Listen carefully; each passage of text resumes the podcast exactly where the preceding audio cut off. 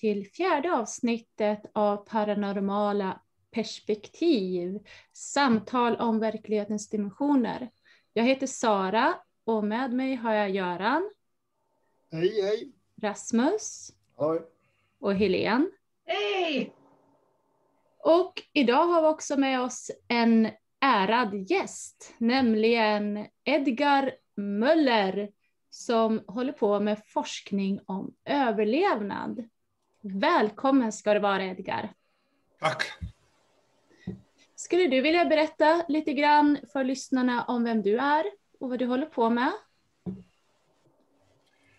Ja, så gärna. Min bakgrund är elektronikingenjör med specialitet på se sensorer och mätteknik inom elektronisk applikationer inom medicin och industrin. Och jag har jobbat med parapsykologiska fenomen och forskning bortåt 22 år. Och faktiskt häromdagen räknade jag ihop att jag har lagt ner bortåt 23 000 timmar på detta. Oj. Wow. Det blir en hel del. oj, oj, oj. Eh, generellt inom parapsykologin, men framförallt inom olika delar av överlevnadsforskningen. Och inom överlevnadsforskningen kanske med tonvikt på det som kallas för EVP, eller elektronisk voice-fenomena. Men du Edgar, vad är eh, överlevnadsforskning? Ja, det är lite grann det dilemma för att i det allmänna språkbruket brukar man säga liv efter döden. Eh, dilemmat är att liv, enligt den definition som vi har i vår dimension, är en biologisk process. Och är man lite noga med detta så skulle liv efter döden förutsätta att när vi avlider så har vi vår kropp, våra celler, alla våra biologiska funktioner kvar i en annan okänd dimension. Men det verkar inte så, det är på det viset. Så att jag och många andra föredrar en definition som utgår ifrån medvetandet. Det vill säga om mitt medvetande som innebär minnen, känslor, erfarenheter på något sätt, någonstans, på ett okänt sätt lyckas överleva den fysiska kroppens död. Och här kolliderar vi med materialismen som anser att hjärnan är som en dator och det innehåller alla våra minnen och känslor och medvetandet. Och dör hjärnan så försvinner medvetandet också. Mm. Och inom, medvet inom överlevnadsforskningen har vi i huvudsak fyra grenar eller fyra områden. Medialitet som är det äldsta, reinkarnation som är förmodligen lika gammal. Och i moderna tider har vi nära döden-upplevelser och instrumentell transkommunikation och dit hör det elektroniska röstfenomenet.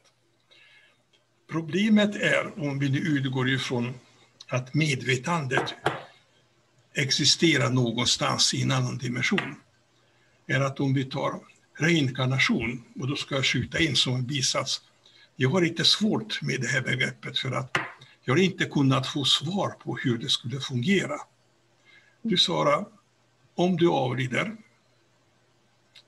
och mm. återuppstår som Johan Andersson. Mm.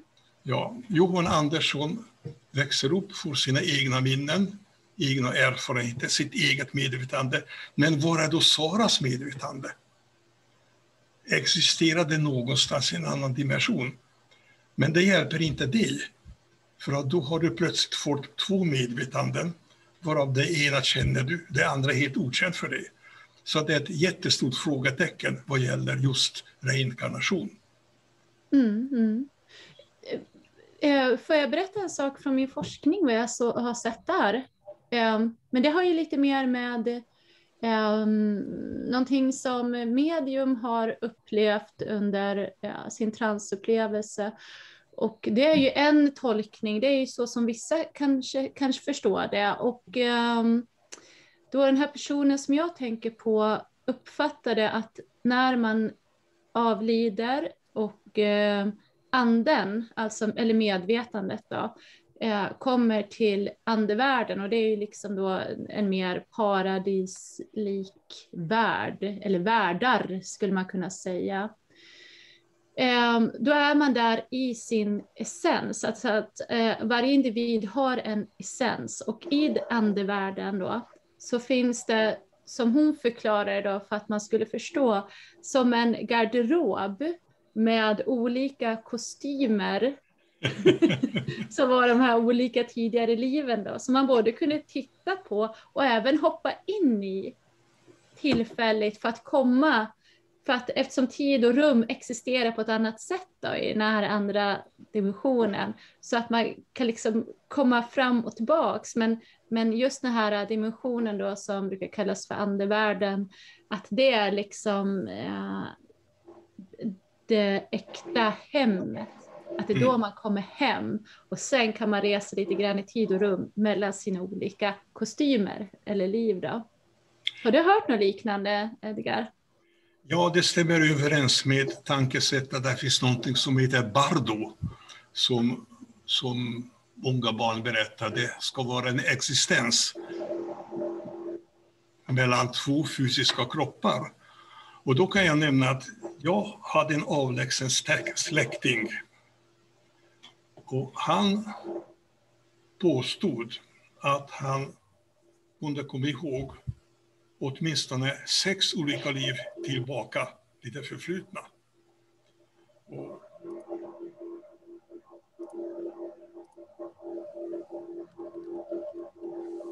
Sex olika liv?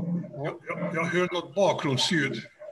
Ja, Helene, ska du kunna stänga av eh, din eh, mick medan du inte pratar och så sätter du på den när du säger någonting? Ja. Kan vi fortsätta? Ja, vi kan fortsätta nu, Edgar. Ja. Den släktingen, en manlig släkting, han kom ihåg alltså tillbaka sex olika liv. Och jag frågade honom, hur, hur går det till? Jo, sa han, jag kommer ihåg när jag dog, jag var både man, jag var kvinna. Och när jag kom tillbaka så sa de till mig, alla andra, ja men hej, nu är du tillbaka, välkommen. Och jag levde där ett tag och sen fick jag ett, en annan kostym, en annan fysisk kropp. Dilemmat med det är att det låter väldigt spännande och intressant, men jag som håller på med vetenskaplig forskning, jag är ute efter att skaffa bevis. Och svårigheten är att få fram bevis som är verkligen bevis och inte bara hypoteser eller att tro någonting. Mm. Och hur går det då, Edgar? Har du hittat några bevis? Nej. Nej. aj, aj. Efter 23 000 timmar, Edgar. Ja, men, men då ska vi säga nu, nu pratar vi om reinkarnation och det är sannerligen inte mitt område. Nej. Jag har läst många böcker och, och svårigheten är att alla de berättelser som återges i de här böckerna, det finns tusentals olika historier som forskarna har undersökt och, och återberättat. Men det, det blir tyvärr bara anekdoter. Det går inte att göra på samma sätt som säg inom telepati, att man planerar ett försök, man gör ett protokoll, man genomför försöket och man utvärderar det. Utan här är man hänvisad till spontana upplevelser som återges. Det, det är lite grann svagheten med reinkarnation om man är ute efter att få fram och kunna leverera bevis. Men är det inte så Edgar, att det är olika typer av inte bevis kanske, men stöd från olika typer av fenomen. Och vi har en sån sak som reinkarnationsfall. Eh, där är det ju barn som säger sig minnas, alltså minnesfragment från tidigare liv. Alltså en sak är att något eventuellt överlever döden och vad, det, vad vi kallar det, det kan man diskutera. Men så har du enskilda minnen som man har från tidigare liv. Eh, där ju forskare har följt upp, kanske fått fram 30-35 enskilda påståenden från barn och följer upp dem. Och får alltså stöd från ovanligt många av dessa påståenden. Det är en annan typ av bevis än att något överlever, för då är det minnen som i så fall tycks föras vidare. Jo, det är helt riktigt. Det är de där berättelser som forskarna återger i tjocka böcker på 200, 300, 400 sidor. Ja, men man kan säga så här att det finns olika slags bevis. Det finns subjektiva bevis, objektiva bevis, statistiska bevis och, och indiciebevis. Och de här skulle jag vilja kalla för indiciebevis, vilket innebär att mycket pekar på att berättelsen är sant. Och indiciebevis är allmänt känt och allmänt accepteras inom juridiken. Men vetenskapen accepterar inte indiciebevis. nej, det är möjligt att det bedöms som mera indicier. Även om de som sagt är väldigt många påståenden från barn är ganska unika. Så, så blir det lite grann en subjektiv bedömning, men det kanske, det kanske närmar sig indiciebevis som du säger, om man ska vara riktigt noga.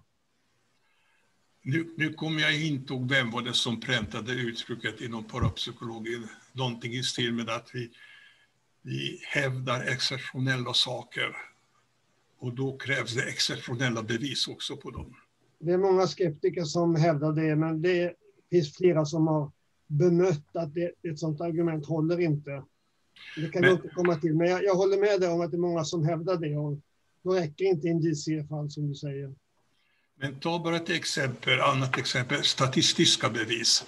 Om vi tar någonting från mediciner, om, om du gör en genomför en studie och jämför den smärtstillande effekten av, säg, Naproxen och diklofenak, och så kommer du fram till att Naproxen är bättre. Får du en p-värde på 0,05 procent, vilket innebär att du kan vara 95 procent säker att Naproxen är bättre. Men vad säger vetenskapen? Vad säger medicinen? Jättefint, accepteras. Ingen ifrågasätter det. Mm. Alltså 95 procent i säkerhet är okej för dem. Men om du visar en, om du levererar ett liknande bevis inom parapsykologin, nej, nej, de skakar på huvudet. Det är för lite, det duger inte. Ja, Jag, jag tänker, när ni pratar om det här så tänker jag på William James, eh, som ibland brukar kallas för psykologins fader. Ehm, och han höll ju också på eh, med parapsykologi och var medlem då i den eh, amerikanska motsvarigheten till Sällskap för, parapsykologisk forskning, där ehm, i början, eller i slutet på 1800-talet, början på 1900-talet. Och han har ju ett citat som jag tycker är fantastiskt och jag håller på med, jag är ju liksom inte naturvetare utan jag håller ju på med humaniora och ser på de här äh, fenomenen och, och liknande från det perspektivet. Och han sa i alla fall att det behövs bara en enda vit kråka för att bevisa att vita kråkor existerar. Och Det det tycker. Ja. Och det tycker jag är bra och det är lite grann, det lever jag efter. All, alla vill ha där vita kråkan, den svarta svanen. Mm, mm.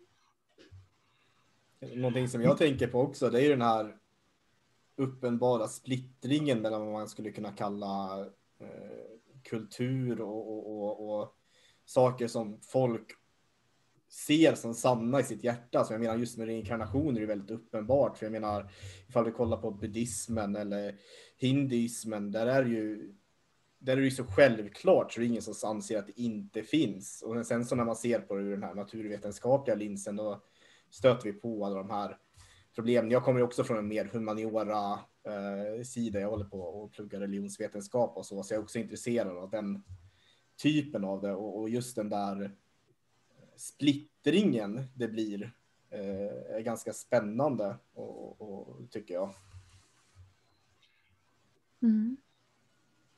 Ja, nu- nu kom vi in på reinkarnation och lite grann mitt fel för att jag började med det som ett undantag, som en liten avvikelse från de tre andra grenarna där Ja. min uppfattning är att det är mycket lättare att komma fram till tyngre, starkare, mer objektiva bevis. Mm, kan, mm. kan du komma in på, att är det framförallt eh, ljud, ljudinspelningar du har fokuserat på? eh, Tänker du på EVP? Ja, just det. Ja, det är det kanske senaste och det yngsta grenen av forskning om överlevnad. Den moderna historien började i Sörmland, i en liten by som heter Mölnbo, där jag besökte för något år sedan. Där en eh, man som heter Fredrik Jürgesson var ute i sin trädgård med en stor gammaldags bandspelare och skulle spela in fågelkvitter. Och när han kom in i sitt lilla rum och spelade upp det så hörde han märkligt nog någonting som var röster. Jag tyckte det måste vara någon fel, någon störning, kanske någon från radio.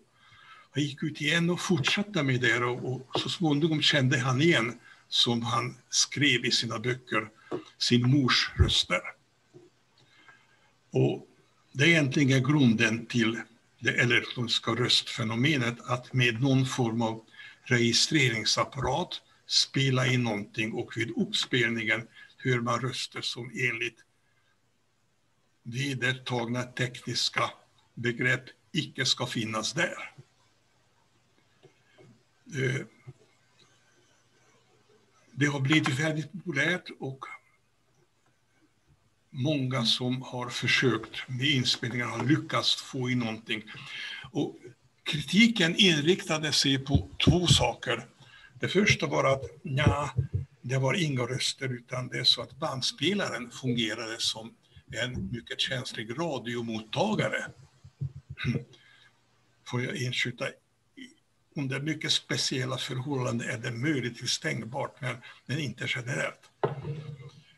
Den kritiken kunde vi avfärda för att det har gjorts inspelningar i så kallade Faraday-burar. De är små rum eller burar som är elektromagnetiskt, elektriskt och, och akustiskt isolerade så att ingen radiovåg, radiovåg kan komma in. Och där fick man också eh, röster på registreringsapparater. Den andra kritiken, det måste vi ta på allvar, för att det stämmer mycket i det.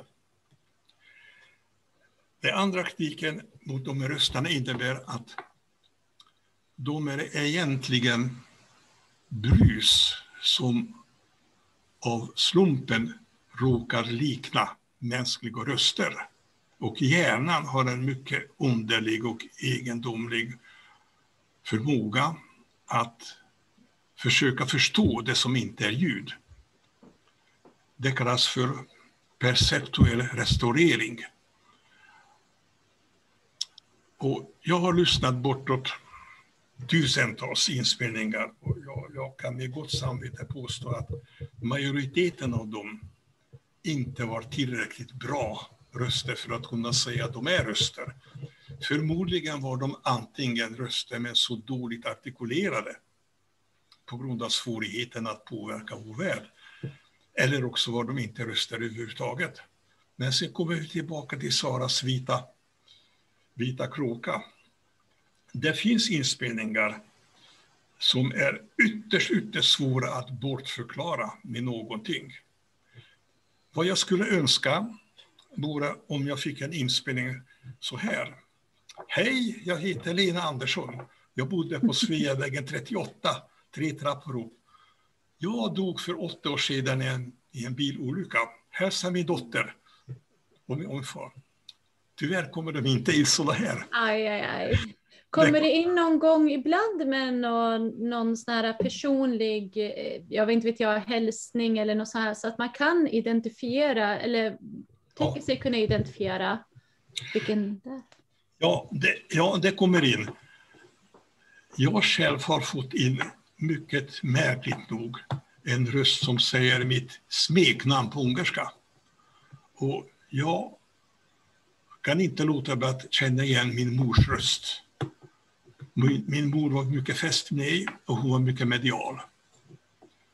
Och sen gjorde jag så att jag tog den här inspelningen och jag själv pratade in i mikrofonen samma namn och skickade iväg till en som är mycket duktig på fonetisk analys. Och svaret kom tillbaka, ja det säger samma, samma sak och det är väldigt likt, det är 98 procents säkerhet att de säger samma saker. Hur ska man bortförklara det här? En annan variant är den amerikanska, det är ganska gammal inspelning. Hon lyckades få en dialog. Jag har hennes inspelning någonstans. Och hon pratade med en ska vi kalla entitet och som sa I love you. Och så svarade hon, hon till Ester förresten, What did you say? Will you please repeat it? I said I love you. Och det är också ett av sätten att försöka vara säker på att det inte är slumpen som skapar det här. Mm. Det är klart, det kan vara slumpen, men det verkar vara ytterst, ytterst osannolikt. Mm. Ja. Ja, det är helt fantastiskt med dialog och det här som du säger, att ett smeknamn som du kan känna igen och identifiera rösten också, tonläge kanske och sånt där. Du, vänta, då har det hänt någonting? Jag fick bort... Hör du mig? Ja. Ja, vi hör dig bra. Det bara, bara, bara bilden som försvann. Mm.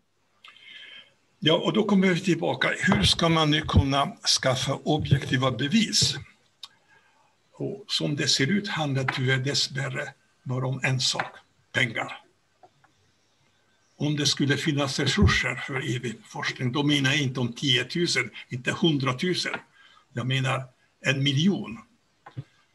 Då skulle kunna, man skulle kunna engagera forskare som inte är knutna till parapsykologin för att de inte ska vara på något sätt färgade av det.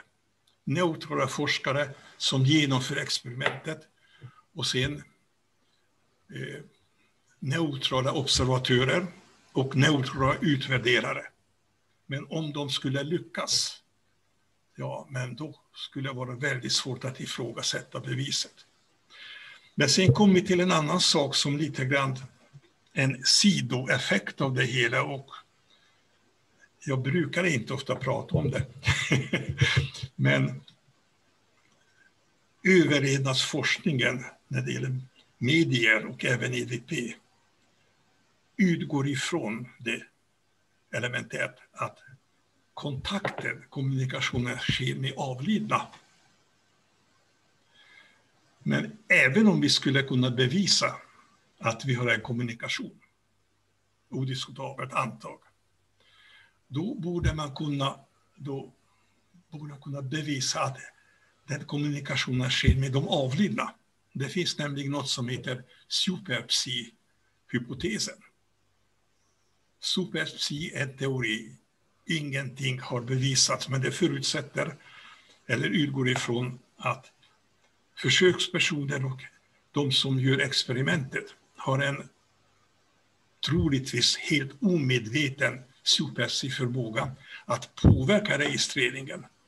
Det skulle innebära, om det vore sant, att när jag kör ett EVP-experiment, det är inte de avlidna som påverkar min registreringsapparat, utan det gör jag själv eller någon annan. Som sagt var en, en hur, hur, då, hur menar du då, Edgar? Kan du förklara det närmare hur, hur en okay. kan tänkas på, kunna påverka med superpsi? Ja, eh, det skulle kunna vara någon form av makro, makro, makropsykokinesi. Att när du sitter där och gör en, genomför en studie, du tror att du är i kontakt med de avlidna, men du själv, ditt medvetande, omedvetet av dig, påverkar dikteringsapparaten. Alltså personligen har jag väldigt svårt att tro på det här. Men det finns också parapsykologer som, som slänger fram det argumentet ganska, eh, ganska effektfullt. Och sen om vi nu spekulerar så kan man också komma in på ännu mer spekulativa områden. Om det finns extraterrestriella intelligenser. Mm. Aliens menar du? Ja. Ja, ja vad spännande. Jag sa i förra avsnittet, jag vet inte om du har hört det Edgar, men då Nej. sa jag att, att, precis att jag har precis börjat intressera mig för aliens och utomjordingar. Jättespännande att höra vad du har att säga. Men då är du ute på hal is verkligen. Eftersom det finns inga experiment, det är bara teorier, men, men antag att de på något sätt kan komma in i vårt medvetande. Kanske de kan läsa av vad vi har upplevt, vad vi tänker på. Och kanske de kommunicerar med oss på det viset. De använder den här metoden EVP för att komma i kontakt med oss. Ja, men jag brukar säga så här, ta bara en murstack. För båt intelligenta varelser, de små myrorna, de bygger. Deras enskilda medvetande måste vara mikroskopiskt, men de måste ha ett kollektivt medvetande eftersom var och en har sin uppgift. Termiterna bygger värmereglering, ventilationskanaler, eller hur? Alltså någonting måste styra det här. Men om jag vill kommunicera med termiterna, jag kan inte komma fram till murstacken och knacka på dörren. Ja, god morgon, jag skulle vilja tala med, med, tala med, med drottningen ja. Om det nu skulle finnas aliens, om de skulle vara mycket, mycket mer intelligenta än vi, då skulle de ha enorma svårigheter att prata med oss. De måste hitta något, något medel, något mellanting, att så att säga konvertera deras budskap till det som vi förstår. Ja, nu har vi cyklat iväg ordentligt. Ja, men vi brukar göra det i det här programmet. Vi brukar komma ut på spännande områden på det här sättet. Ja, jätteintressant, hörru Edgar. Jag tänkte på, ja förlåt Göran. Jag kan väl säga att jag har ju stött på den här frågan i ganska många år och det har skrivits ganska mycket i tidskrifter om dilemmat om eh, de här fenomenen kan förklaras med någon kombination av telepati, psykokinesi och klärvoajans. Eller om det är verkligen överlevnad. Och den diskussionen tror jag fortgår. Att det har skrivits ganska mycket om det. Jag är inte så jätteinsatt i åt vilket håll det överväger så att säga. Det, det, har jag inte koll på riktigt. Men jag vet att det är flera stora forskare som har analyserat det ganska ingående för och emot respektive. Och det är lite grann eh, rädslan, rädslan många har för att mm. till andebegrepp som gör att man hellre föredrar en massa kombinationer av telepati och klärvoajans och allt vad det heter och slippa tänka på att andar överlever och kan kommunicera med oss. Det är ganska utmanande för forskningen, det måste vi nog vara väldigt tydliga med. Samtidigt som det är väldigt mycket som talar för att det trots allt, det finns mer eller mindre ganska tydliga indicier på någon sorts överlevnad. Vi har ju uppenbara så reparationer och många andra fenomen som vi inte har kommit in på så mycket, men det, sammantaget tycker jag att det finns ganska mycket mer eller mindre starkt stöd, men enskilda fenomen kan vara väl så knepiga att analysera.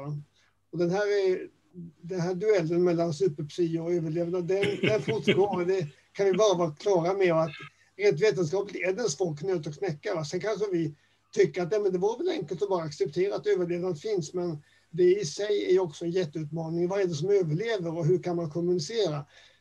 Att bara fastställa fenomen, att de finns och på vilket sätt de eh, antyder överlevnad. Bara det tycker jag är ett stort steg och det är väl där vi fortfarande står. Alltså Göran en poäng och jag kan nämna att jag hade förra året en, en diskussion eller en dialog med en parapsykolog och, och, och han sa nej, nej, det som de håller på med, även om de kommer fram till bevis, det beror på super-C, inte att det finns överlevnad. Men okej, okay, så jag sovat. Om det är super då är det totalt genombrott för parapsykologisk forskning. Ja, det är faktiskt sant. Det räcker i sig. Det kan vara... Det är ett jättesteg bara det. Det klarar inte samhället av idag ens en gång. Och överlevnad är ännu större fråga. Så att det, det räcker med superpsi för att vi ska vara nöjda på ett sätt. Då tvingas de tänka till rejält och lite till. Eh, Rasmus, du hade någonting? Ja, jag, jag funderar på hur går ett EVP-experiment till idag? Finns det någon liksom eh, någon standard? Vilka, använder man någon speciell sorts utrustning och så där eller? Ja, det är mycket bra fråga Rasmus. Ja. Eh, det finns en, ett brett spektrum av tekniska varianter. Men om jag ska gå till det allra enklaste. Eh, I tidernas början hette det bandröster för att man använde gammaldags bandspelare. Och då hade man en mikrofon. Man kopplade till bandspelaren. Man kunde prata in i mikrofonen eller också hade man en så kallad ljudkuliss som kunde vara vindbrus eller vattenstänk eller vad som helst. Eh, som registrerade. Och sen spolade man tillbaka bandet och lyssnade på det. Och mitt i bruset hittade man röster. Och tanken med ljudkulissen var, eh, det är också en hypotes, att entiteterna använder de här akustiska basiska komponenterna som finns i, i luften för att skapa för oss eh, förståbara ord. Eh, numera kan man gå mycket längre. Istället för att använda brus som bakgrund så kan man använda exempelvis eh, bokstäver som någon läser högt upp. Och sen stoppar man ner bokstäverna i, en, i ett program som slumpvis hackar sönder dem, gör mycket, mycket korta bitar, kanske på 10 millisekunder, och skickar ut i luften. Och då är tankemeningen att, att det är ännu lättare för entiteten att använda dem, för att de är så att säga halvvägs mänskliga röster.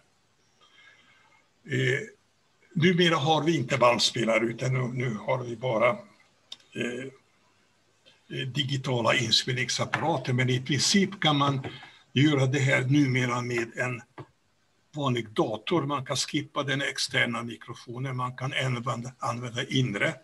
För att de flesta ljudkort tillåter så kallad duplexkommunikation, vilket innebär att du kan båda prata in i mikrofonen och spela upp det där. Och använder man ett ljudredigeringsprogram så kan man eh, registrera det spela in på dators hårddisk. Så att man kan skippa extern högtalare, man kan skippa extern mikrofon. Sen finns folk som rapporterar att de har fått in eh, röster på smartphone. Och ska vi nu ta en liten utvidgning också. Det är kanske lämpligt också att nämna att EVP är en del av det som kallas för instrumentet transkommunikation, vilket innebär att egentligen alla sorters instrument kan teoretiskt spela in röster och meddelanden. Det har funnits exempel på gammaldags telex. Ja, ni är för unga, ni vet inte vad telex, telex är för någonting. Nej. vad är det för någonting? Du, du kommer ihåg Göran? Ja, jag känner igen det. Ja, det var liksom telegraf som skrev på remsor. Fanns, i tid, fanns för 50 år sedan folk som fick in bilder på tv-apparat gammaldags tv-apparater. Mm. Ja, men det, har, det, tror jag att jag har sett faktiskt, att man har Myrornas krig på mm, så kan det komma fram röster och lite bilder och sånt här va? Ja, och där kunde man se ett ansikte och det är samma problem där som i hörsel. Att i det där bruset, där kan man, kan man se ett ansikte, det kallas för pareidolia. Exempelvis om du tittar på månen, då kan du uppfatta ett ansikte. Ni som är ute i naturen, promenera kan ibland titta på en björk. Och där kan man se mönster som kan likna ett ansikte. Hundansikte, kantansikte, människoansikte. Det är slumpen som skapar det här. Och vill man väldigt gärna tro att det är hund, så kan man, så kan man tycka det är hund. Mm. Men numera har alla de där kommunikationerna utom EVP har så att säga klingat av. De flesta håller på med EVP för att röster är lättare att hantera. Det är svårare att fuska. Med bilder kan man fuska hur mycket som helst. Man kan få, komma, man kan få väldigt många störningar när man fotograferar. Reflexer och mycket annat. Och det är också mycket enklare och billigare att göra sofistikerade eh, fonetiska analyser av ljud än av, eh, av bilder. Edgar, jag har en fråga. Det har ju blivit så otroligt populärt med paranormala undersökningar eller ghost hunting som det kallades för förut. Alltså när människor ger sig ut och undersöker platser som menas vara hemsökta och sånt här. Och just det här EVP har ju blivit otroligt populärt. Mm. Det, är, och det, det uppfattas ju verkligen då vara ett bevis för att det finns någonting på platsen tillsammans med deras egna upplevelser som de har där. Och precis som du sa så finns det ju på smartphones och, liknande, alltså som appar. Eh, finns det sådana här olika EVP-verktyg? Vad tänker du om det? Fungerar de också på samma sätt, de här apparna? Eh, jag är tveksam till det. En förutsättning för att planera och genomföra ett vetenskapligt experiment att man ser till att man utesluter alla externa faktorer som kan påverka resultatet. Och det är stort sett omöjligt när de där gåshantarna är där. Det går fyra, fem stycken. Det ena harklar, det andra andas högt. Dörrar knarrar. Allt detta kan inverka på det här. Mm. Jag kan nämna att ett exempel som eh, parapsykologisk old man, professor Bender, genomförde här i Sverige. Då satt fyra stycken ingenjörer och en som körde experimentet. Och då satte teknikerna en halsmikrofon på varje deltagare som registrerade andningen och olika röster. Sattes två mikrofoner i fönstret, en mikrofon i högtrummet och så bandspelaren. Allt detta kördes in i en åttakanalig eh, rekorder. Och då kunde man se att här och här var det någon som andades, någon som sa någonting. Räcker att man rör sig lite grann. Känsliga mikrofoner upptar, det, upptar de här ljuden. Så att ska man göra experimentet riktigt så ska man se till att störningarna inte kommer in. Och det är ytterst svårt för de som går omkring där. Jag har lyssnat på massor av sådana inspelningar från Ghost Och jag kan säga det att två av dem blev riktigt arga på mig. När, när jag, sa, jag sa dem så här. Du, jag kan inte bekräfta att det är EVP. Och det- det är min vana att uttrycka mig först. Jag sa så här. Det kan vara EVP, men i så fall är det så dåligt artikulerat att det går inte att använda. Eller också är det bara slumpen. Det tyckte de inte om. Nej. Nej, det förstår jag. Mm. Så, så är tillbaka vid det som du sa, det där vita kråkan. Ska vi ha lyckats så måste vi ha en vit kråka som är så odiskutabel vit att alla som tittar på det förstår. Så inte någon säger, ja men den har en, är en svart prick. Mm. Eller, finns det svart prick på den vita kråkan? Då är det inte vit, eller hur? Mm. Mm. Ja. Jag förstår verkligen nu vad du menar med att det behövs pengar. För jag, jag ser ju framför mig att för att få en sån bra testmiljö så krävs det ju en del. Bara, bara elektroniken man använder måste ju vara säkrad så att det inte läcker över emellan Helt riktigt. ljudkorten och allt sånt där. Och det kostar ju en del. Mm. Ja. Ehm, är, är det likadant, nu kommer jag inte ihåg vem de maskinerna är som de brukar ha, framförallt på tv. Det är, då är det ju så här brus som låter. Uh, ungefär så att det påminner lite grann om, om ni vet när man sätter på tvn på Myrornas krig. Mm. Alltså att det, det brusar väldigt högt och så, och så kan eh, de tycka sig höra då hur, hur det är någon som pratar och, och, eh, och ibland också att de kanske kan föra dialog med, med det de upplever då pratar. Ehm, är det samma sak där? Ja, det kan vara så, men det är så det där med att hjärnan tolkar röstliknande brus som det vore prat. Det är ju väldigt, väldigt känt inom, inom lingvistiken. Du kan sitta på ett tåg och börja slumra till, då kan du plötsligt höra röster.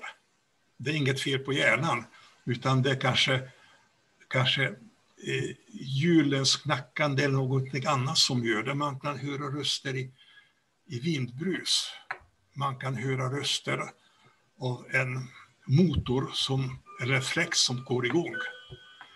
Men det är alltid så att jag tycker att de gör rätt som gör den här undersökningen för att de har andra förutsättningar och andra målsättningar än vi.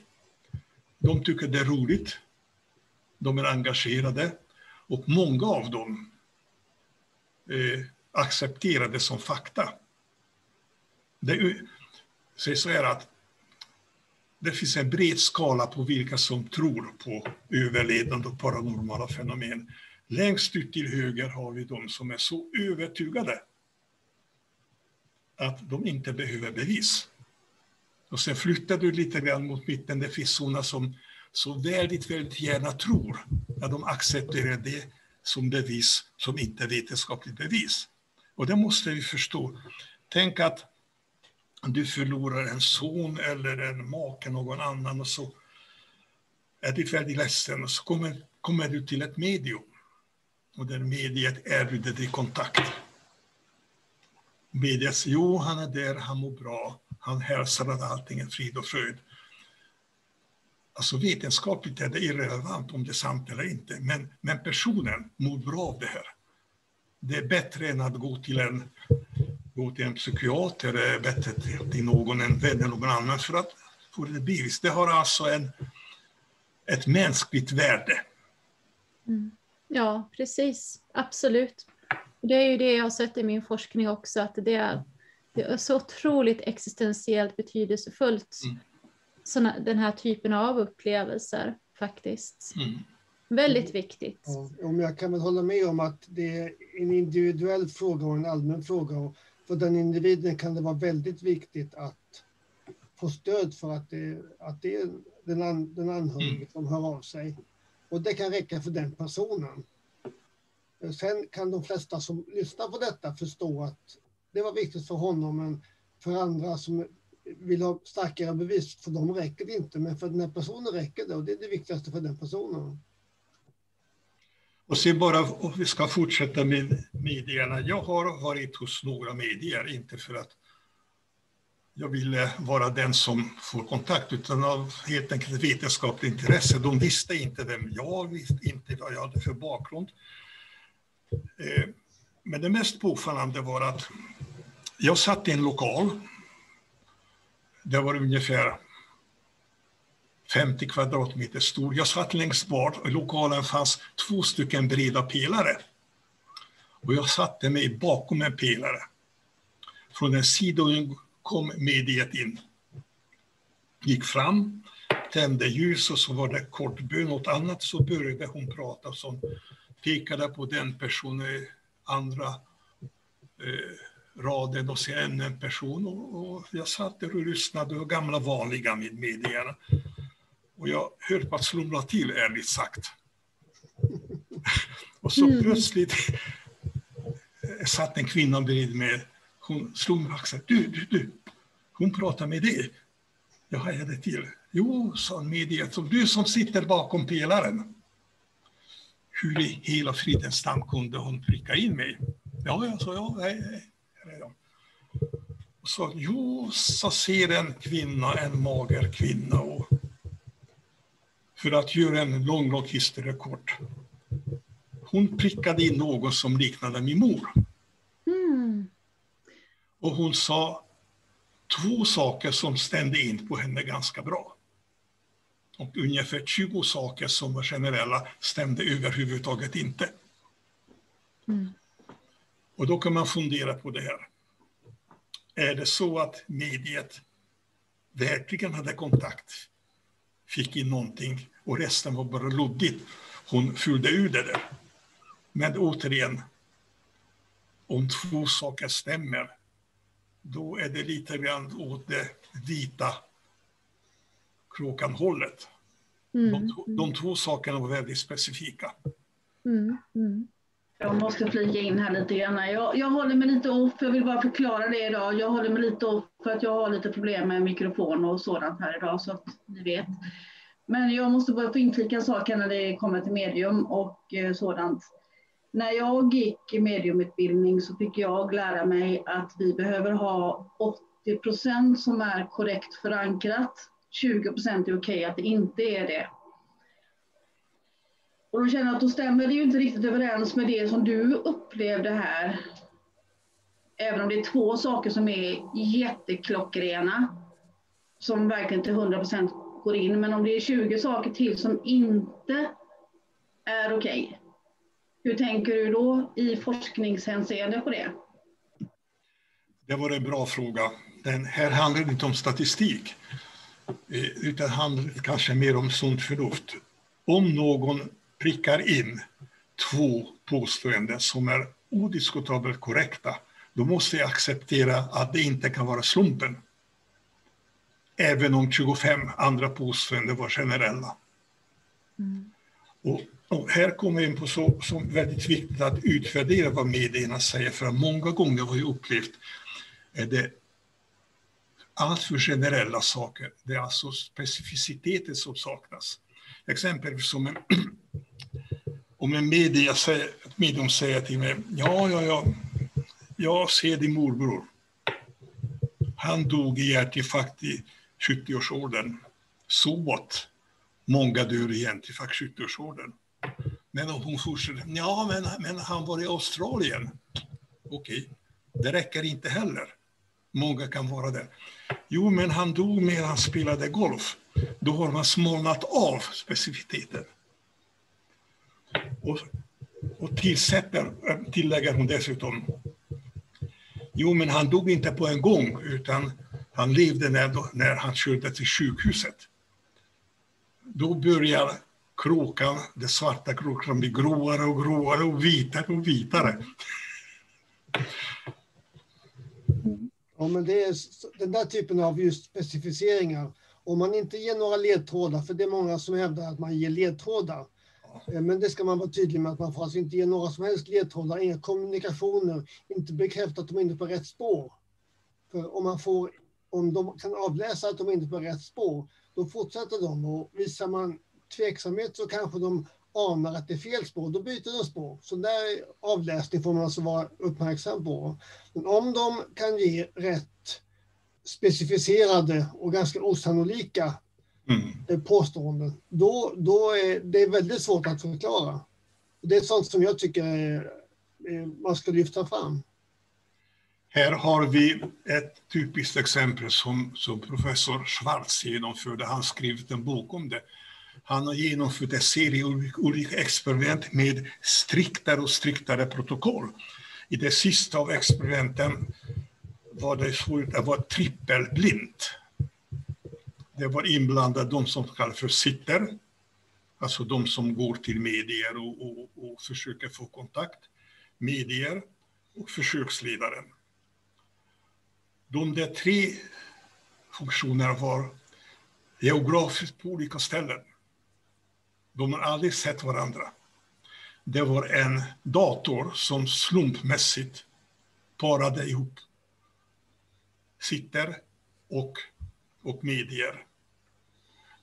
Och eftersom det är dator som gjorde det så visste försöksledaren inte vilka sitter som pratar med vilken dator. Så att på det viset kunde han eliminera nästan alla riskfaktorer.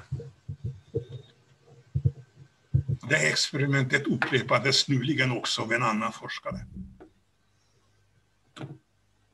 Hur gick det då, Edgar? Med vad?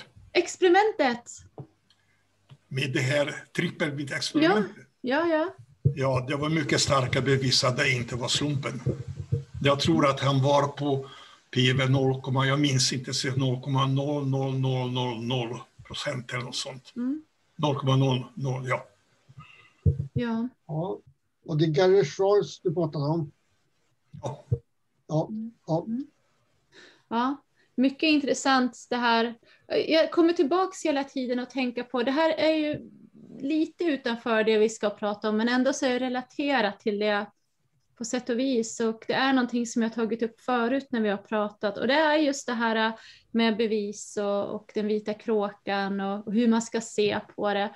För att det är ju många inom parapsykologi som utgår ifrån eh, teknik och naturvetenskapligt perspektiv.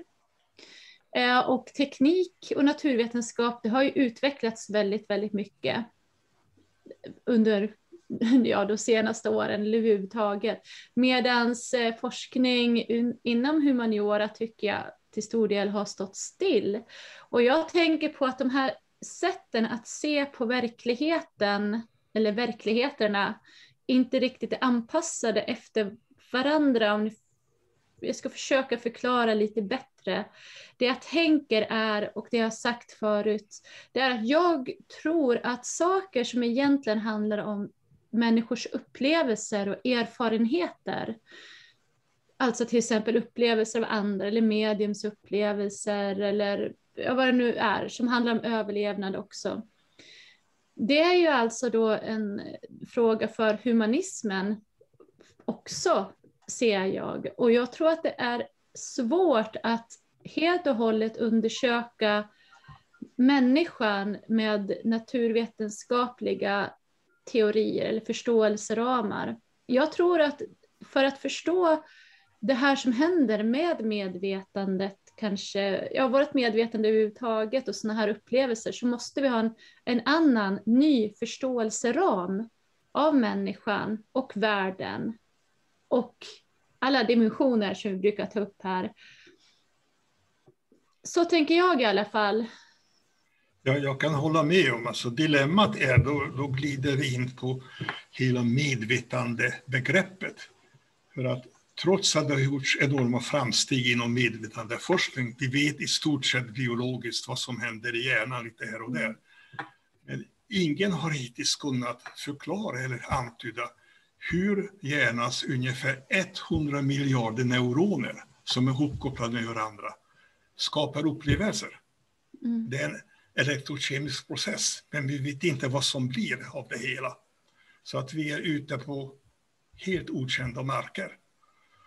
Och när du pratar om upplevelserna, det är klart, en annan sak som är svår att du kan inte dela dina upplevelser med någon annan. Du kan berätta om det där, men ingen kan uppleva det som du gör. Mm. Inte förrän tekniken har kommit så långt att vi kan stoppa ett chips i hjärnan. och så kan vi koppla ihop varandra, men det dröjer kanske 50-100 år innan vi är där. Mm.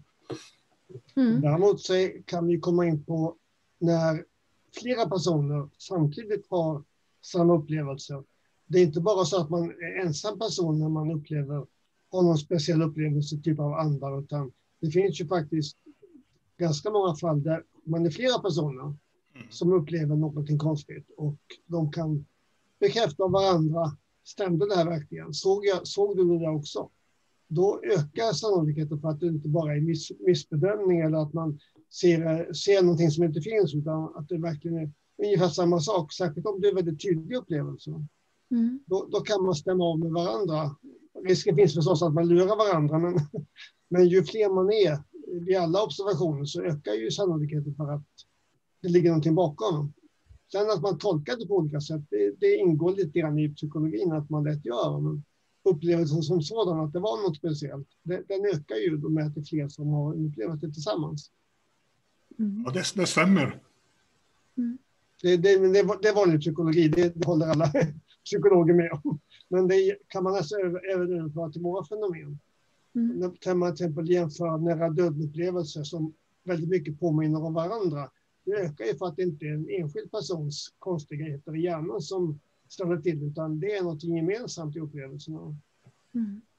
Ja, jag tänker osökt på Carl Gustav Jung och det kollektiva omedvetna. Och, ja, jag tycker att det är väldigt spännande. Vi kommer att prata om Jung någon gång och det kollektiva omedvetna också tror jag. Ja, jag för jag är ju jungian då. Jag tänker mig att där, man kan förstå en hel del. Kanske genom hans sätt att närma sig det också. Alltså han tänkte sig ju att på något sätt så finns det att, att med, man skulle kunna säga i alla fall då att medvetande på något sätt är rörligt, att det inte liksom stannar Eh, i människan utan att det finns någon form av eh, medvetande där vi kan nå varandra på något sätt. Alltså det, det sitter ihop, våra medvetanden på något sätt. Och det kallade han för det kollektiva omedvetna. Nu förklarar jag det här väldigt, väldigt förenklat. Då.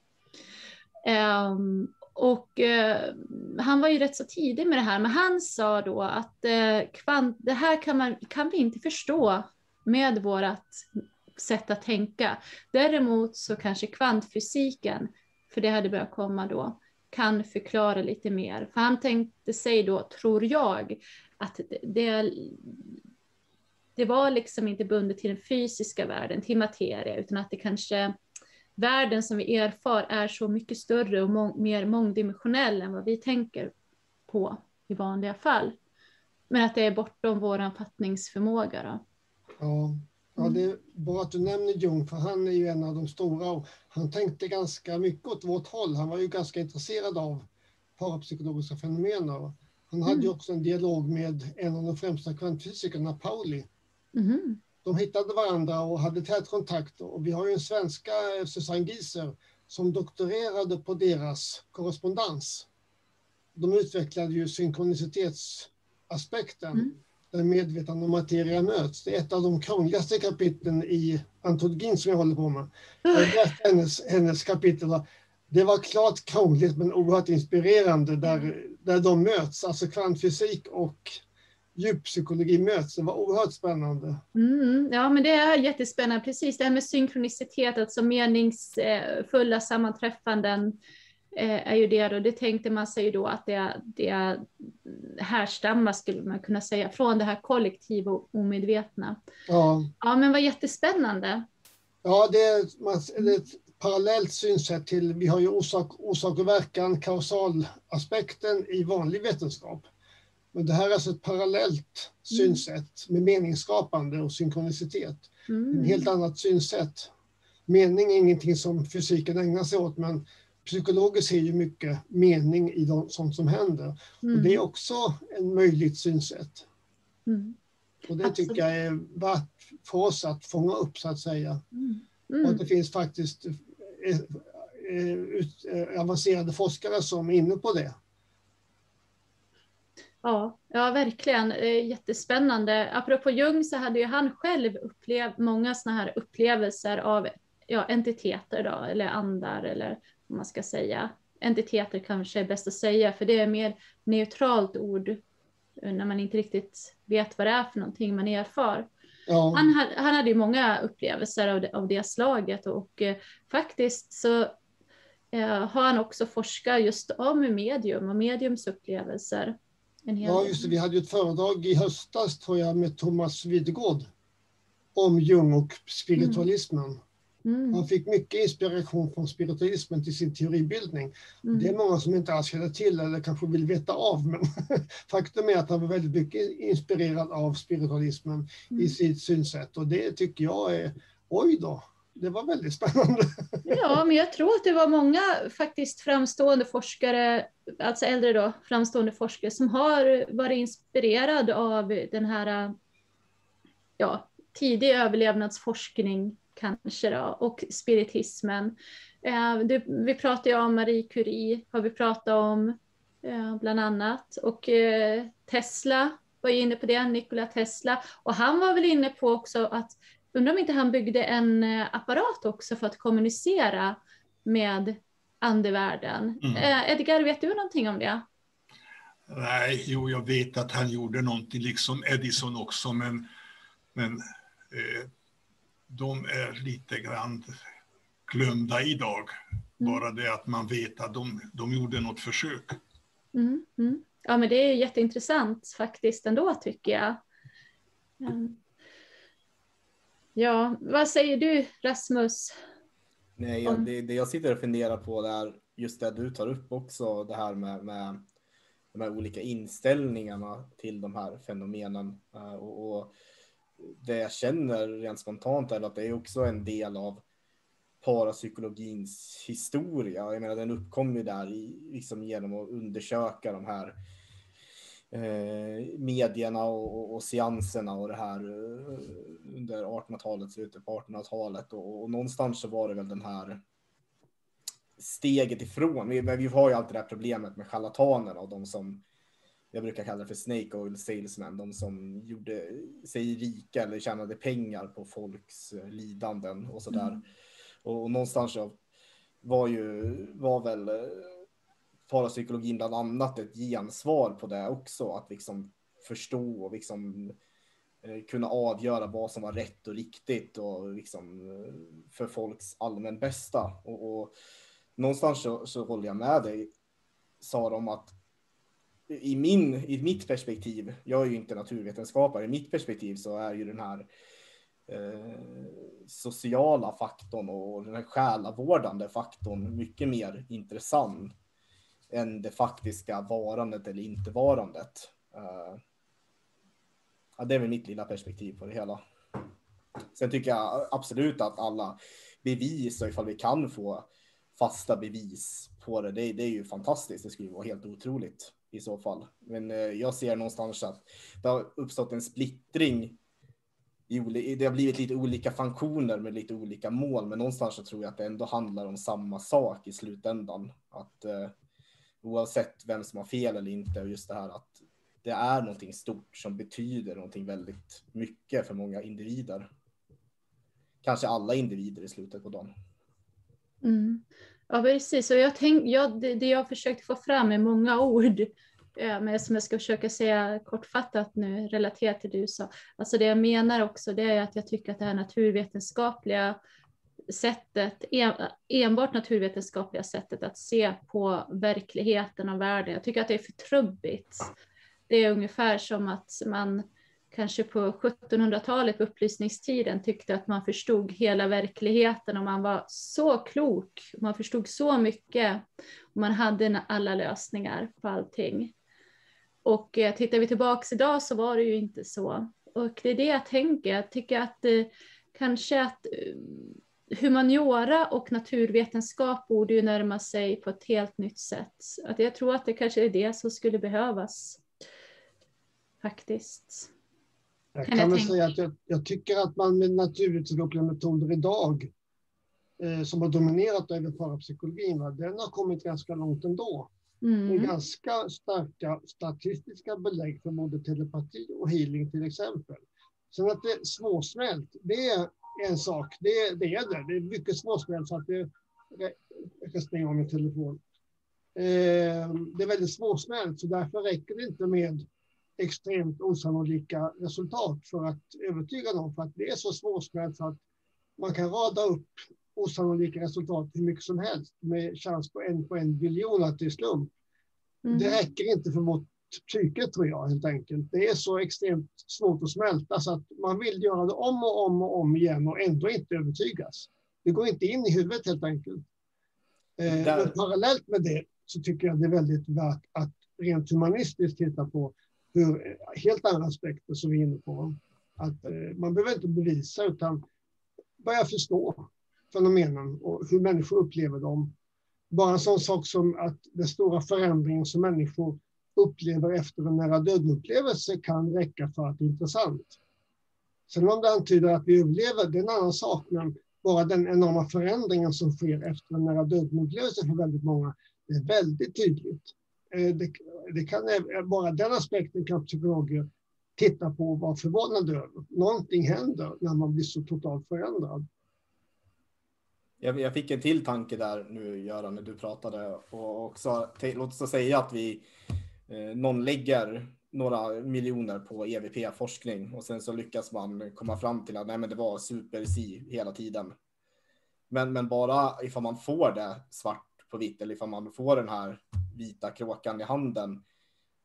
Vad gör man sen då? Du var lite inne på det, men det blir ju väldigt kan ju bli en väldigt omskakande existentialistisk fråga för många. Ja visst, naturvetenskapen säger så här nu, men hur blir det för folk i själen. Och där kanske humanioran borde vara med på tåget hela vägen för att kunna i tidigt stadium möta upp det och liksom kunna eh, Eh, hjälpa. För jag, jag, kan se liksom hur, det, hur vissa saker skulle kunna leda folk in i smärre existentiella kriser eller kanske till och med omvälva hela samhällen på ett väldigt stort sätt som vi kanske måste vara med på och, och bemöta i framtiden. Ja, precis, men det gäller ju i så fall både positiva och, eller vad man ska säga, positiva och negativa svar. Är det så att det kommer bevis om många olika verkligheter, alltså även ja, vad ska man säga då, Nej, jag vet inte vad jag ska säga, men som många accepterar som ett verkligt bevis. Och att man överlever, vad, vad, vad skulle det innebära egentligen? Skulle, visst, en del, många så skulle ju känna sig trygga att, med att man skulle överleva. Men skulle det också kunna vara så, nu låter jag drastiska, skulle det kunna vara så att människor som har det dåligt i livet chansar på att det blir bättre i nästa liv och tar sitt eget liv för att de vet att de kan överleva, kanske. Ehm, det är ju sådana här saker också eh, som man måste tänka på också. Vad, vad, vad, kan hända? Det kan hända väldigt mycket. Jag håller helt med dig. Alltså det, I och med att det är djupaste existentiella frågor som växer. Överlever jag döden? Eller jag vill, en del vill till varje pris att livet ska ta slut. De vill inte leva vidare. Mm. De är det jätteångest om måste jag leva vidare? Mm. Men de flesta är ju så att de har en dödsångest. De är rädda för att dö för att de tar slut då. Och för dem är det ju en positiv upplevelse om det fortsätter på något sätt. Mm. Men det är så djupt existentiellt så att det blir en jätteinsats att ha diskussioner och förklara, förtydliga vad det innebär. Hur ska mm. samhället och hur ska de enskilda individerna hantera det här? Det är en jätteutmaning. Mm. Om det skulle vara så att det verkar finnas belägg för de här fenomenen. Det är lika stor utmaning som att bevisa dem, det är att hantera det psykologiska och sociala. Mm. Och det blir i sig en jätteutmaning. Det kan jag bara ana. Men jag vet ju att det finns ju hjälpcenter i Tyskland som fokuserar på att hjälpa enskilda människor med upplevelser och tolka dem och förstå dem. Vi har inget sånt i Sverige. Här har vi fokus på de ledarskapsförsök som finns är ju att belägga att fenomenen finns. Va? Och du får att titta lite grann på upplevelser.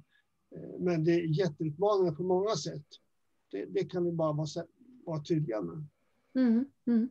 Och nu kommer jag osökt tillbaks till aliens och utomjordingar. Um, och jag tänker bara en sån sak också, att, uh,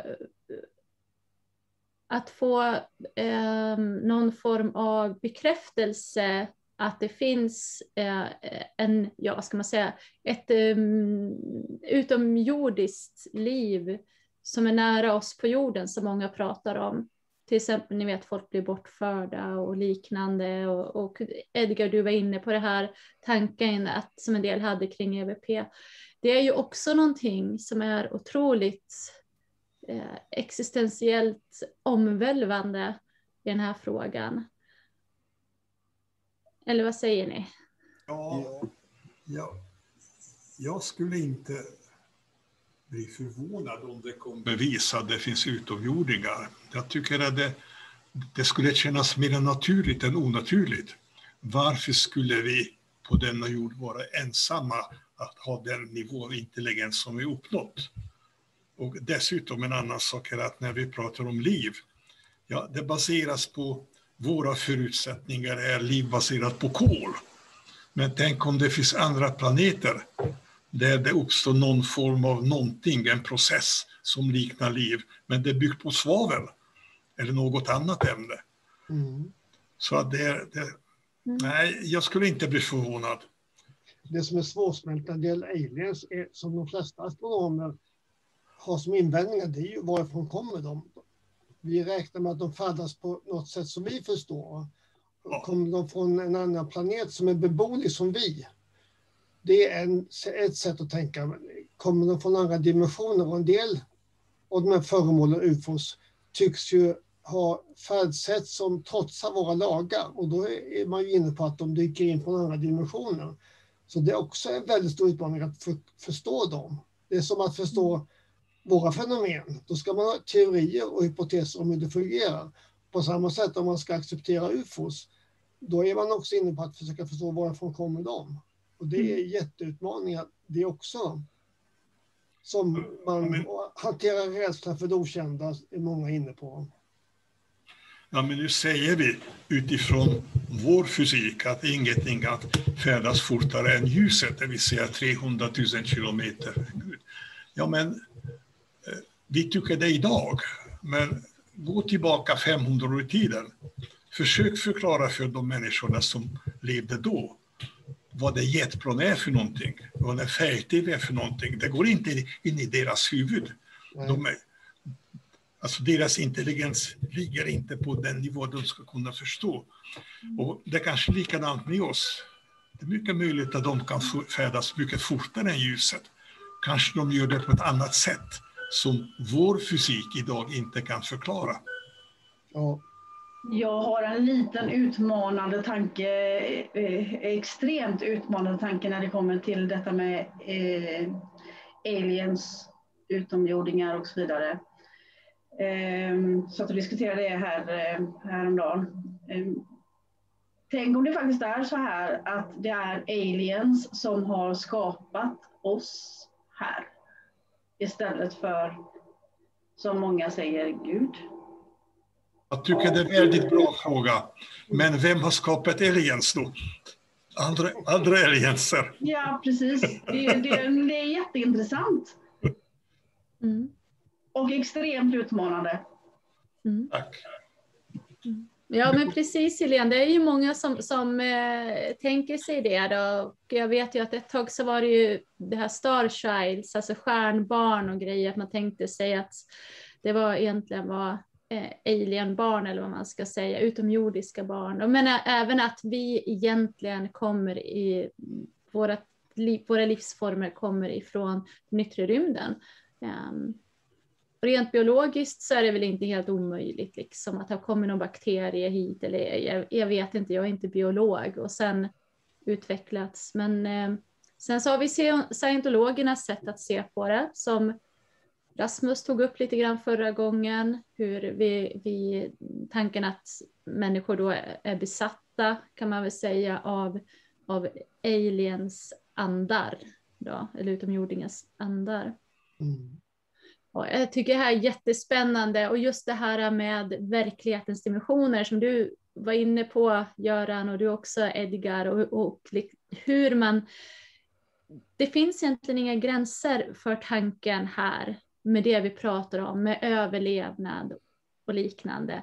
Med tanke på att vi vet ju egentligen inte någonting annat än den här fysiska världen. Vi vet vårt medvetande känner vi ju till och vi vet att det finns andra världar på det sättet. Men det kan ju även finnas många olika dimensioner på det sättet som vi inte har lärt oss än hur det fungerar och som, som ni sa att det här kommer vi kanske veta mer om om 500 år. I vår tidsräkning måste jag tillägga här nu när jag är så abstrakt. Men jag fick också en sån där känsla, i och med att vi har så många inre dimensioner så måste det ju finnas lika många yttre dimensioner. Eller tänker jag jättegalet här nu? Inte helt fel. Det är att vårt, vår, vår samhälles verklighetsbegrepp kan vi vara tydliga med. Det är ju fysikerna som har definierat det. Det är det som är mätbart. Eh, problemet är att vi kommer in på inre upplevelser av väldigt många olika slag som inte är mätbara på samma sätt. Det är bara ett konstaterande, det är ingen kritik utan ett konstaterande. Däremot så har ju andra kulturer och religioner många fler begrepp och uttryck för de här sakerna, hinduism, buddhism och andra som har, de sätter värde på och respekterar inre upplevelser på ett annat sätt än vad västeuropeisk amerikansk kultur gör. Det kan ju vara tydliga med, men alltså vi, vi kan bara konstatera att verklighetsbegreppet är fysikerna som har gjort det tydligt och definierat det. Men det innebär ju inte att man kan vidga och komplettera det synsättet. Det tycker jag att man ska tänka sig. Det, det är spännande att jag tar upp det där, för det är en semantisk, rent semantisk fråga egentligen som jag stöter på väldigt ofta när jag är runt online i olika forum och så där. För vi har ju en skola som menar att dimensioner, det, det går efter den rent naturvetenskapliga, dimensioner är mätbara eh, plan helt enkelt. Det är yta liksom. Medan eh, sen så i, i, är det ju många idag som använder dimensioner i den här andra mer kanske transcendentala eh, meningen som vi ser idag. Någonting som jag, när man tittar på religionshistoria så kanske skulle jämföra med det som beskrivs som plan eller någonting sånt där eh, av existens. Så det där är en jättespännande fråga som ofta så kommer den där i vägen och, och, och, och spårar ur olika diskussioner har jag sett där de här två olika eller flera olika dimensionsskolorna börjar bråka om vilka, vad en dimension är egentligen.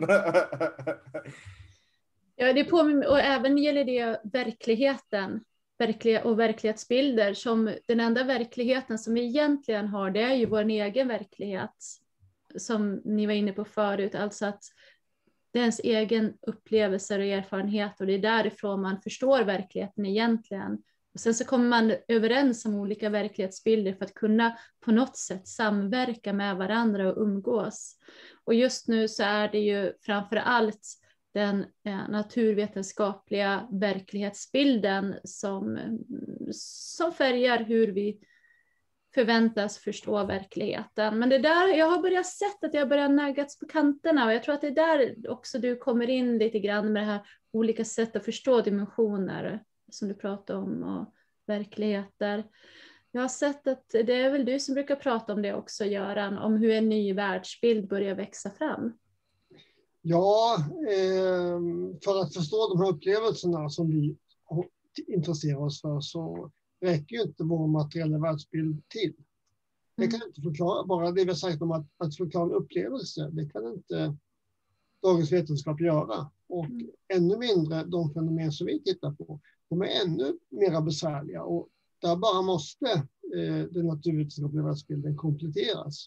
Och då närmar man sig, man vidgar det och då är frågan om när man ska kalla det för andlig världsbild eller något, något annat. Men det måste kompletteras. Och eh, allt fler forskare som upptäcker de här fenomenen och blir förvånade, tittar på forskningen. Man blir stum. Hur ska vi hantera det här? Hur ska vi förstå det här? Då tittar man på andra förklaringsmodeller och det är det man är på väg med sedan några decennier, tycker jag. Mm. Mm. mm. Där kom jag på en fråga till Edgar faktiskt. Uh, när man som är bundet till det här. Inom EVP och, och överlevnadsforskning, finns det någon grundidé, någon, någon, någon, någon tankemodell som man tänker sig att det ska vara? Att till exempel de här kommunikationerna kommer ifrån en annan dimension eller tänker man sig att Förstår du vad jag är ute efter? Finns det någon modell där som är all, allmänt vedertagen? Eller man ska säga? Ja du Rasmus, den här frågan kräver ett särskilt föredrag på flera timmar.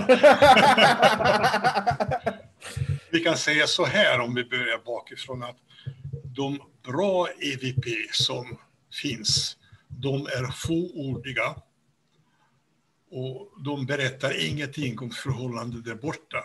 Och vi som håller på med dem, vi är glada att vi får någonting. Oftast handlar det om eh, namn och hälsningar går vi vidare till nära döden upplevelser.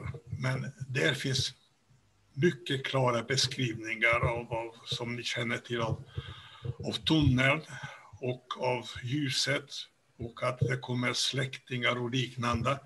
Eh, musik finns och känsla av upprymdhet och kärlek och allt annat som skulle finnas på den andra sidan i en annan dimension. Eh, och sen pratade vi om eh, reinkarnationen, att, att, att ens olika kropp hänger i garderoben som olika kostymer. Och medierna, de berättar oerhört mycket. Det finns alla sorters beskrivelser. Jag har läst långa beskrivelser och konversationer med Jules Verne och andra författare och, och, liknande. Och det får man ta med en nypa salt. Så att summan av kardemumman är att det vet vi inte. Det finns bara olika varianter beroende på typen av, typen av eh, förmodad kontakt. Medierna, både de som pratar och även de som skriver, de har naturligtvis en mycket bättre möjlighet att beskriva någonting som finns där borta än exempelvis IVP. Jag kommer ihåg en av dina föregångare, eh, Edgar Nils-Olof Jakobsson. Eh, han dog ju för 10-12 år sedan tror jag. Eh, han höll ju på mycket med EVP. Ja. Och skrev väldigt mycket om detta fenomen. Och han, tror jag, i tidskriften Sökaren som fanns för 20-30 år sedan, Eh, där skrev han ganska många ingående beskrivningar av hur, an, hur andra sidan eh, beskrev sin tillvaro. Så det finns eh, enstaka eh, beskrivningar av den, vad man säger, världen. Då. Eh, om det finns någon konsensus, det vet jag inte, men enskilda exempel finns det från någorlunda seriösa forskare, får jag nog ändå beskriva det som. Det är vad jag minns av, av hans engagemang i östfenomenet. Jo, du, du är inne på rätt spår, fast lite grann på sidospår. Vad Nils Olof beskrev, det faktiskt det stämmer mycket långa konversationer som skedde mellan ett par i Liechtenstein och Tyskland. Just det. Mm. Och de där konversationerna har senare ifrågasatts. De kunde inte bekräfta det. Och de, de fick det här också i form av eh, telefaxmeddelande, tror jag, en hel del. Men som sagt var, det, det hör till undantagen. Ingen efteråt har lyckats få så pass långa... Alltså några av de där rapporterna som de skrev, det var bortåt en, en dryg A4-sida lång. Ja. Och sen finns en annan sak som jag hittills inte pratat om vad gäller EVP. För att EVP bygger på tanken att man registrerar. Men det finns en särskild metod som kallas för direkt radiometoden. Just det. Mm. Eh, då registrerar man inte, utan då har man i princip en konversation, en dialog med en person som ytterst medial och en radioapparat som på något sätt förmedlar kontakten från, från eh, den andra sidan. Eh, de där är också lite grann ifrågasatt, ifrågasatta. På senare tid var det framförallt en italienare som hette Bacci som höll på med det. Eh, och jag hade förmånen att titta på den radioapparat som han använde.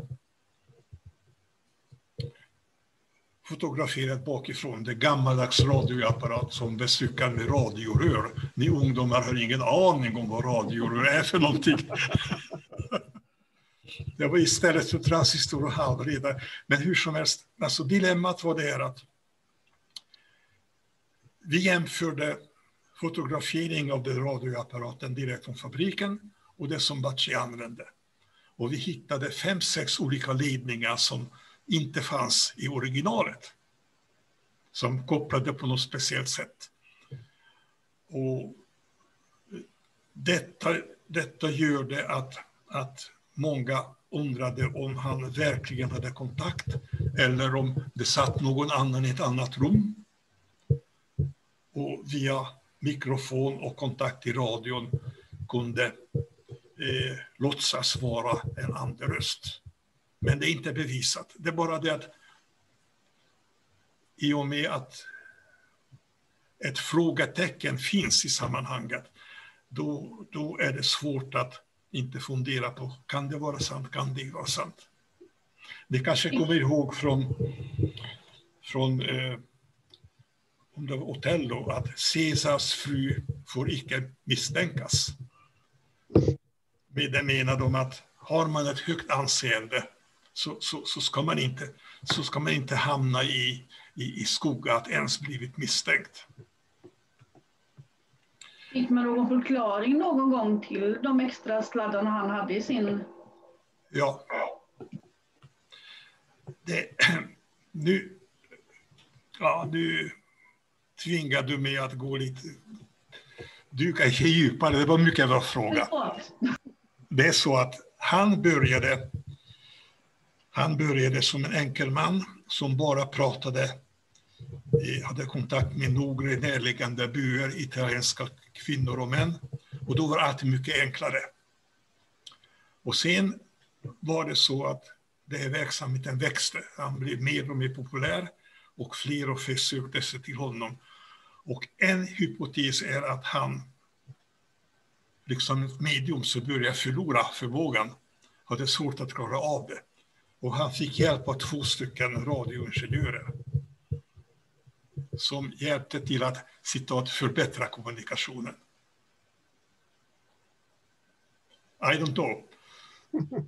Men de som kritiserar säger att de hjälpte honom på traven. Det är ungefär som kanske när en idrottare som har passerat toppen av sin prestationsförmåga börjar ta droger för att hänga med. Idag tar idrottare inte på toppen redan från början, men det är en annan sak. Mm. Jo, men precis. Det där finns inom alla olika yrken eller olika kategorier, att man vill behålla eller förbättra det man håller på med. En, en sak kan jag nämna, det fanns en, en herre, en amerikan, som byggde en väldigt komplicerad elektronisk apparat som kommunicerar med de avlidna. Och han byggde här apparaten på instruktionen av en avliden ingenjör som råkade heta Müller. Det är slump. Han gav honom instruktioner, ytterst detaljerade instruktioner om komponenter och liknande, hur, hur han ska lyda. Apparaten var stor som ett, som ett stort kassaskåp. Och det fungerade. Fungerade bara när han var där. När han inte var där fungerade inte. Det kan man förstå. Det var kanske han som hade kontakten medialt. När andra byggde samma apparat, det funkade inte. Mm. Mm. Och då säger försvararen av det här, ja men han liksom kunde ingjuta sin själ i apparaten. Som var liksom ett psykologiskt chip som fick det att fungera. Och det andra kunde inte göra det. Mm. Det var den positiva tolkningen. Den mindre positiva tolkningen var att ja, men, det, men han fuskade helt enkelt. Så det står ju. Mm. Ja, och då är vi tillbaka till det här igen. Dels det här äh, materiella, tekniska och fysiska och sen de här andra dimensionerna av, av verkligheten. Mm. Där vi har medvetandet och, och vad det här är för någonting. Ehm, jag hade tänkt att det är nog dags att vi börjar dra oss tillbaks för kvällen. Men jag hade tänkt ehm, att höra Edgar, vad tror du att framtiden är för EVP och överlevnadsforskning?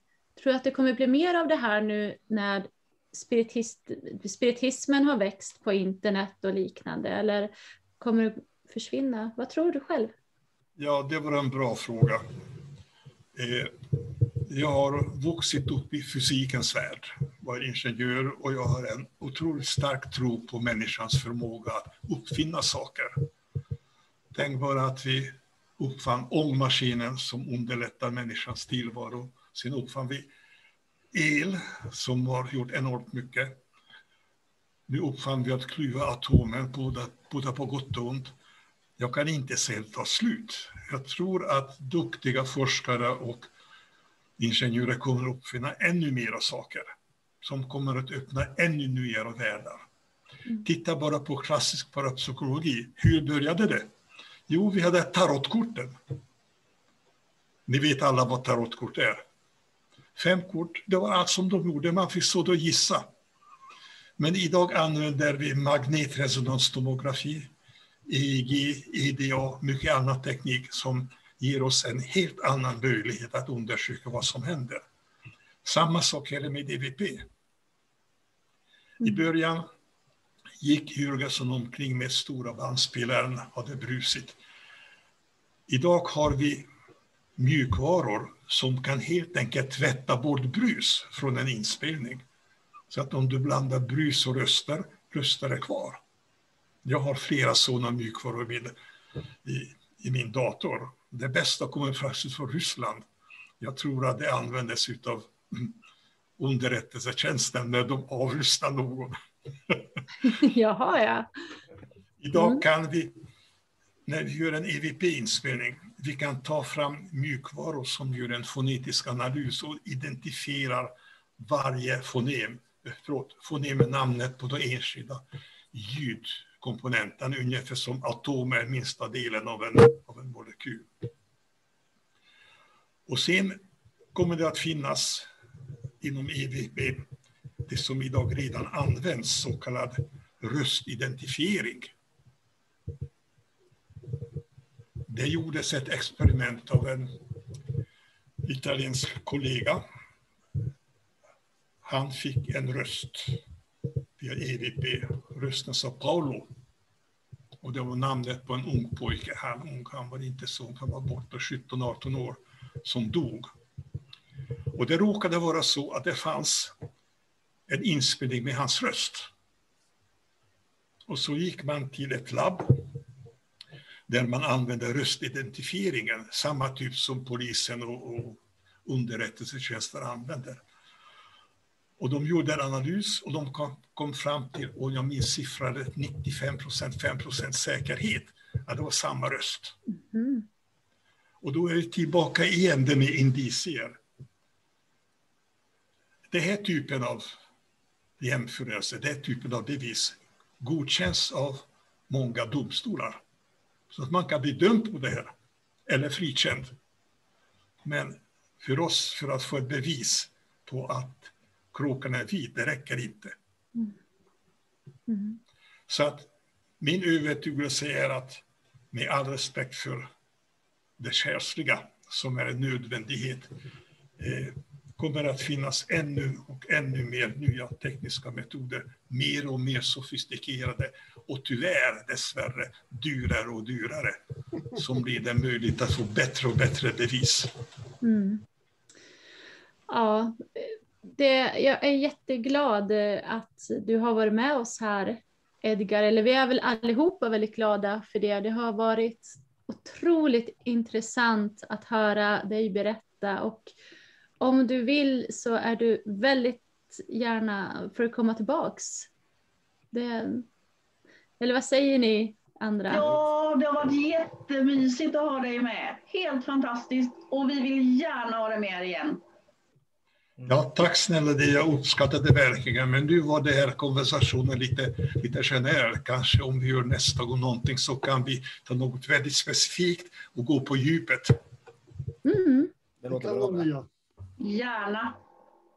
Ja, precis. Vi skulle kanske kunna göra så att eh, du själv väljer ditt favoritämne eller samtalsämne nästa gång du är med, Edgar. Det låter bra. Ja. Hörni, ska vi ta och eh, dra oss tillbaka nu då? Yes. Ja. ja. Vi ses sen. Hej då. Hej då. Hej då.